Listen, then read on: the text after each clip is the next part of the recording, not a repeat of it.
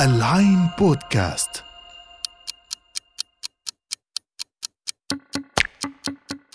الساعة 25 الساعة اللي بتيجي بعد ما نقرأ نص أو نشوف فيلم. ونلف مع شخصيات خيالية برا الزمان والمكان. أنا سلمى أنور وحنتقابل أسبوعياً بالساعة ال 25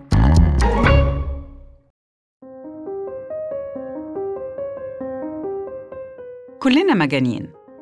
لا ثواني دي حقيقة علمية على فكرة. كلنا في رؤوسنا تفكير وهمي لا يكاد يمت للواقع بصلة.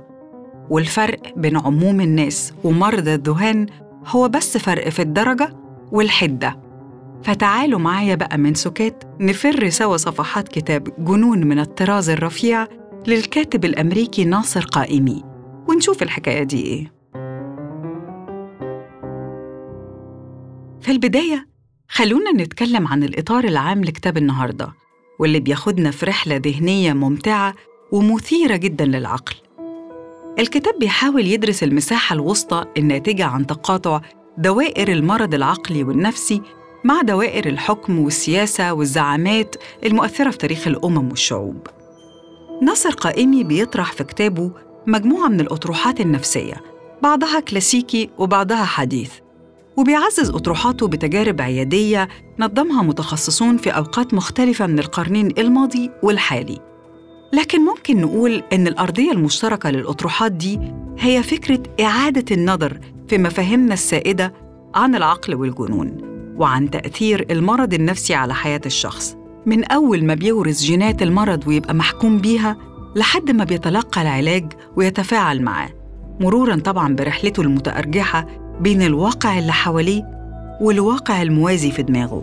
في إطار الفكرة دي الكاتب بيقلب في السجلات الطبية وبعض المذكرات اللي كتبها ساسة كبار زي وينستون تشرشل وأدولف هتلر ومارتن لوثر كينج وغاندي. وبياخدنا ناصر قائمي في رحلة داخل عقولهم من خلال كتابه وبيسمح لنا نعيش وقت شديد الاستثنائية مع هواجسهم ومخاوفهم وأفكارهم المتطرفة في السعادة والمفرطة في الكآبة كذلك أحياناً.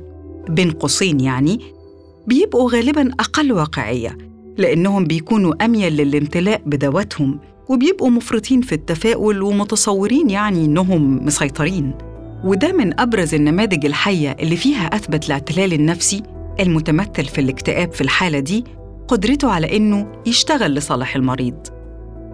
نموذج تاني بيرصده الكتاب وهو مبني على دراسة أجرت فيها باحثة أمريكية استقصاء في أوساط مرضى تعافوا من أمراض مختلفة.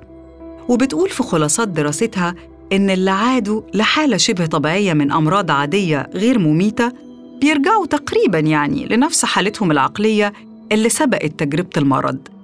لكن الأمر بيختلف بشكل ملحوظ مع اللي تعافوا من أمراض مميتة أو شديدة الخطورة بعد ما شعروا في رحلتهم للتعافي إنهم كانوا محاربين وعلى جبهة الموت وكذا في الحالة دي المرضى بيرجعوا محملين بأوهام عملاقة منافية للواقع بدرجة كبيرة وبشعور المنتصر على الجبهة وفي أوقات كتير مناعتهم البدنية ما بتكونش بنفس حجم توقعاتهم عن أنفسهم أو الأوهام اللي جات لهم في مرحلة ما بعد التعافي طب دي حاجة وحشة؟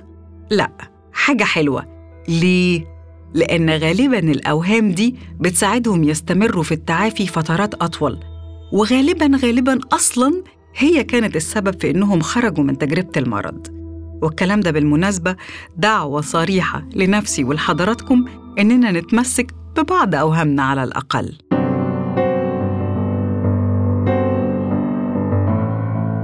نرجع للسياسة وسنينها. الكتاب الحقيقة بيعرض مجموعة من النماذج الجديرة بالقراءة والمطالعة والتأمل.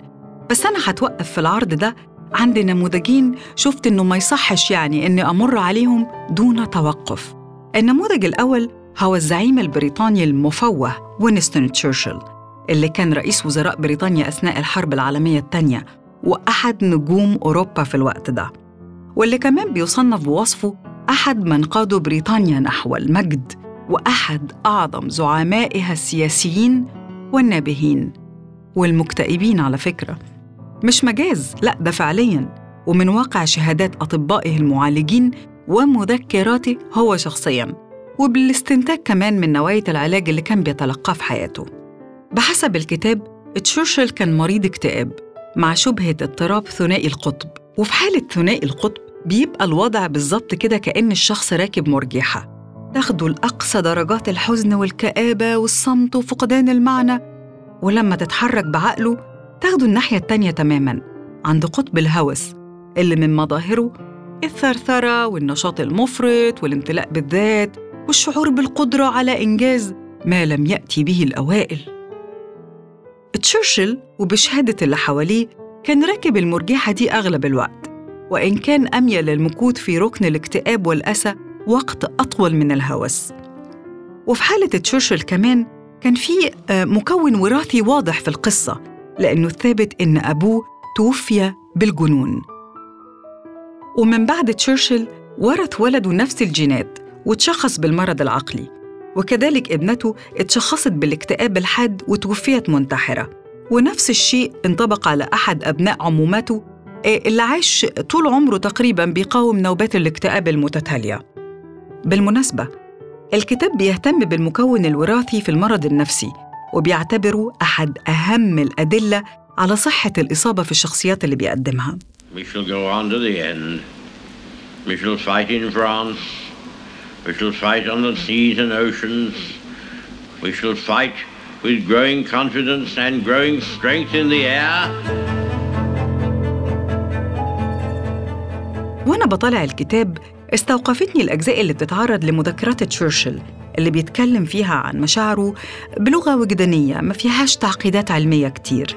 واللي نقدر نعرف منها إنه كان بداخله نزاع بين الرغبة في ترك العالم للأبد وبين خوفه من الموت لدرجة إنه كان بيتجنب شرفة منزله وأرصفة القطارات وأسطح السفن عشان ما يسمحش لفكرة الانتحار بإغرائه. أو زي ما هو نفسه صاغ تجربته لما قال ليست لدي الرغبة في أن أترك العالم ولكن الأفكار اليائسة تسكن في الرأس.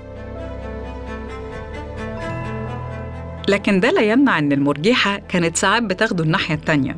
أه، فيسهر بقى يكتب ويراجع كتبه مقالاته وينتج أفكار حربية نيرة.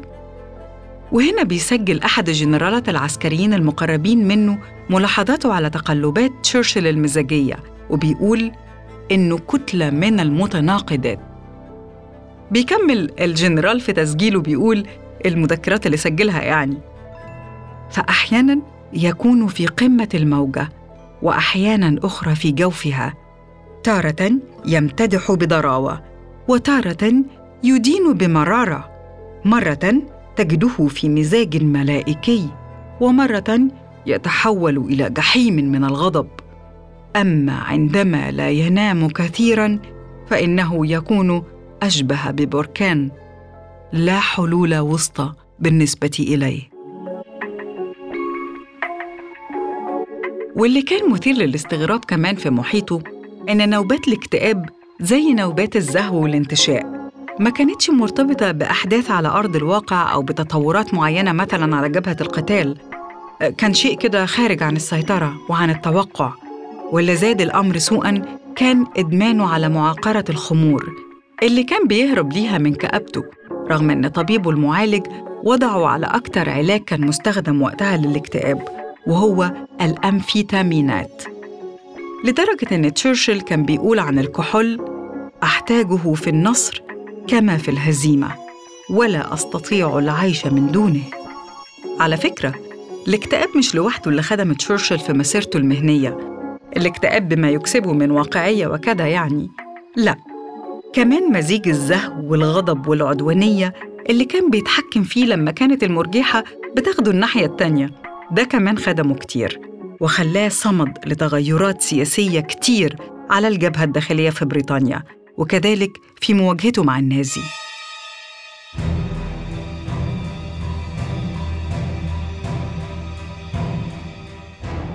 النموذج التاني اللي استوقفني في الكتاب كان نموذج أدولف هتلر. وده طبعا يعني غني عن التعريف والحقيقة كانت حكايته حكاية. بعكس تشرشل اللي استخلاص حالته النفسية استدعى مطالعة مذكراته الشخصية وشهادات المعاونين وكذا هتلر كان فيه سجلات طبية رسمية متعددة بتوثق حالته والعقاقير اللي كان بيتعاطاها ده برضو بالإضافة لشهادات المحيطين ومن بينهم صديق مراهقته. بالمناسبة هتلر كان معروف إنه رجل دمة الخلق للغاية مستقيم ملتزم نظيف مهندم قادر على التعاطف مع الضعفاء والبؤساء وبيحب الحيوانات يعني ما كانش عنده نفسية قاتل متسلسل سايكوباتي ولا حاجة بالعكس كان راجل ودود ولطيف عموما طيب إيه اللي حصل؟ إمتى وإزاي الولد أدولف اللطيف الفنان المرهف ده بقى هذا الهتلر اللي أشعل الحروب وأشاع الرعب عبر العالم؟ قبل أي حاجة خلونا نتوقف عند العامل الوراثي اللي الكاتب بيقول إنه توافر في حالة هتلر مبدئياً فعائلة والد هتلر كانت عائلة حاضنة لحالات من الجنون الكامل لكن بالنسبة لوالده تحديداً كان فقط مصاب بعدم ثبات مزاجي وبعض المؤشرات كده على الهوس.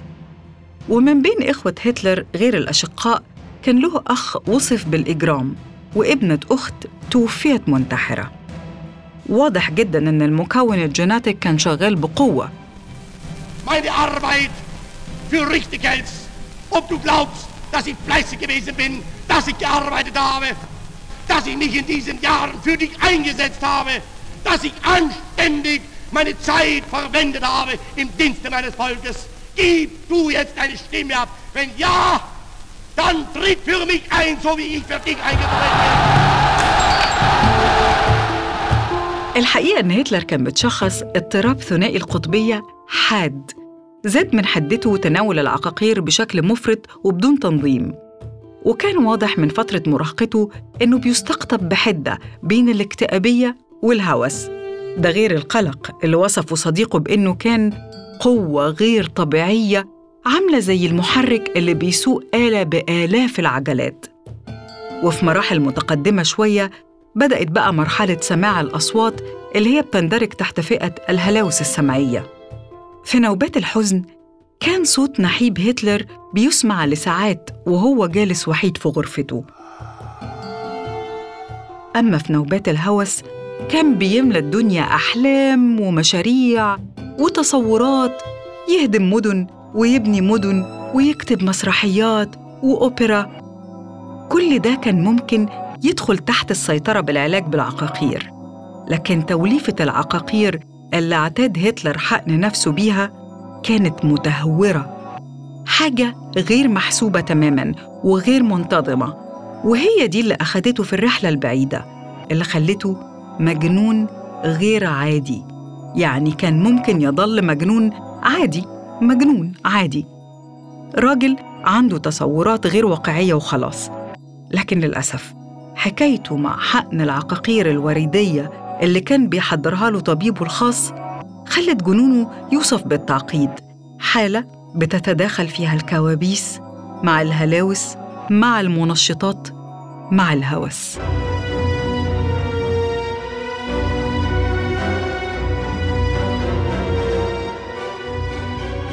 مفيش خلاف على إن هتلر كان مريض عقلي بس يمكن تكون نقطة الخلاف حوالين حالته هي لأي مدى خدمته حالته العقلية المضطربة كزعيم سياسي بيقود أمته في لحظة تاريخية حرجة.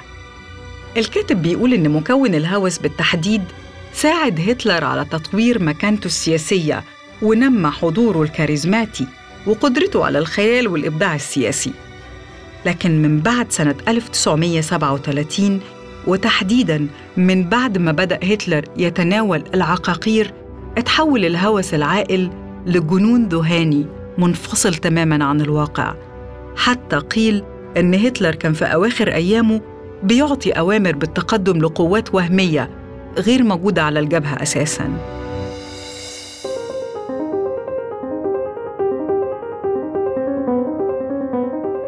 خلاصة القول. علاقة المرض العقلي بالزعامة مسألة شديدة التعقيد. وعلى قولة الكاتب أن تكون عاديا فذلك أمر عظيم للصديق وللزوجة وللحياة العادية.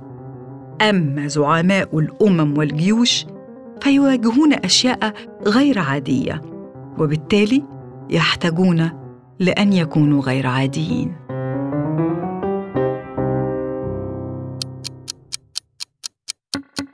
بكده تكون خلصت ساعتنا ال 25 النهارده. خلونا نكمل كلامنا في حلقة تانية وساعة 25 جديدة تجمعنا. ما تنسوش تسمعونا على موقعنا align.com slash podcast وعلى مختلف المنصات أبل بودكاست، سبوتيفاي، جوجل، ديزر، أنغامي وساوند كلاود فتكم بعافية. العين بودكاست تسمع لترى العالم.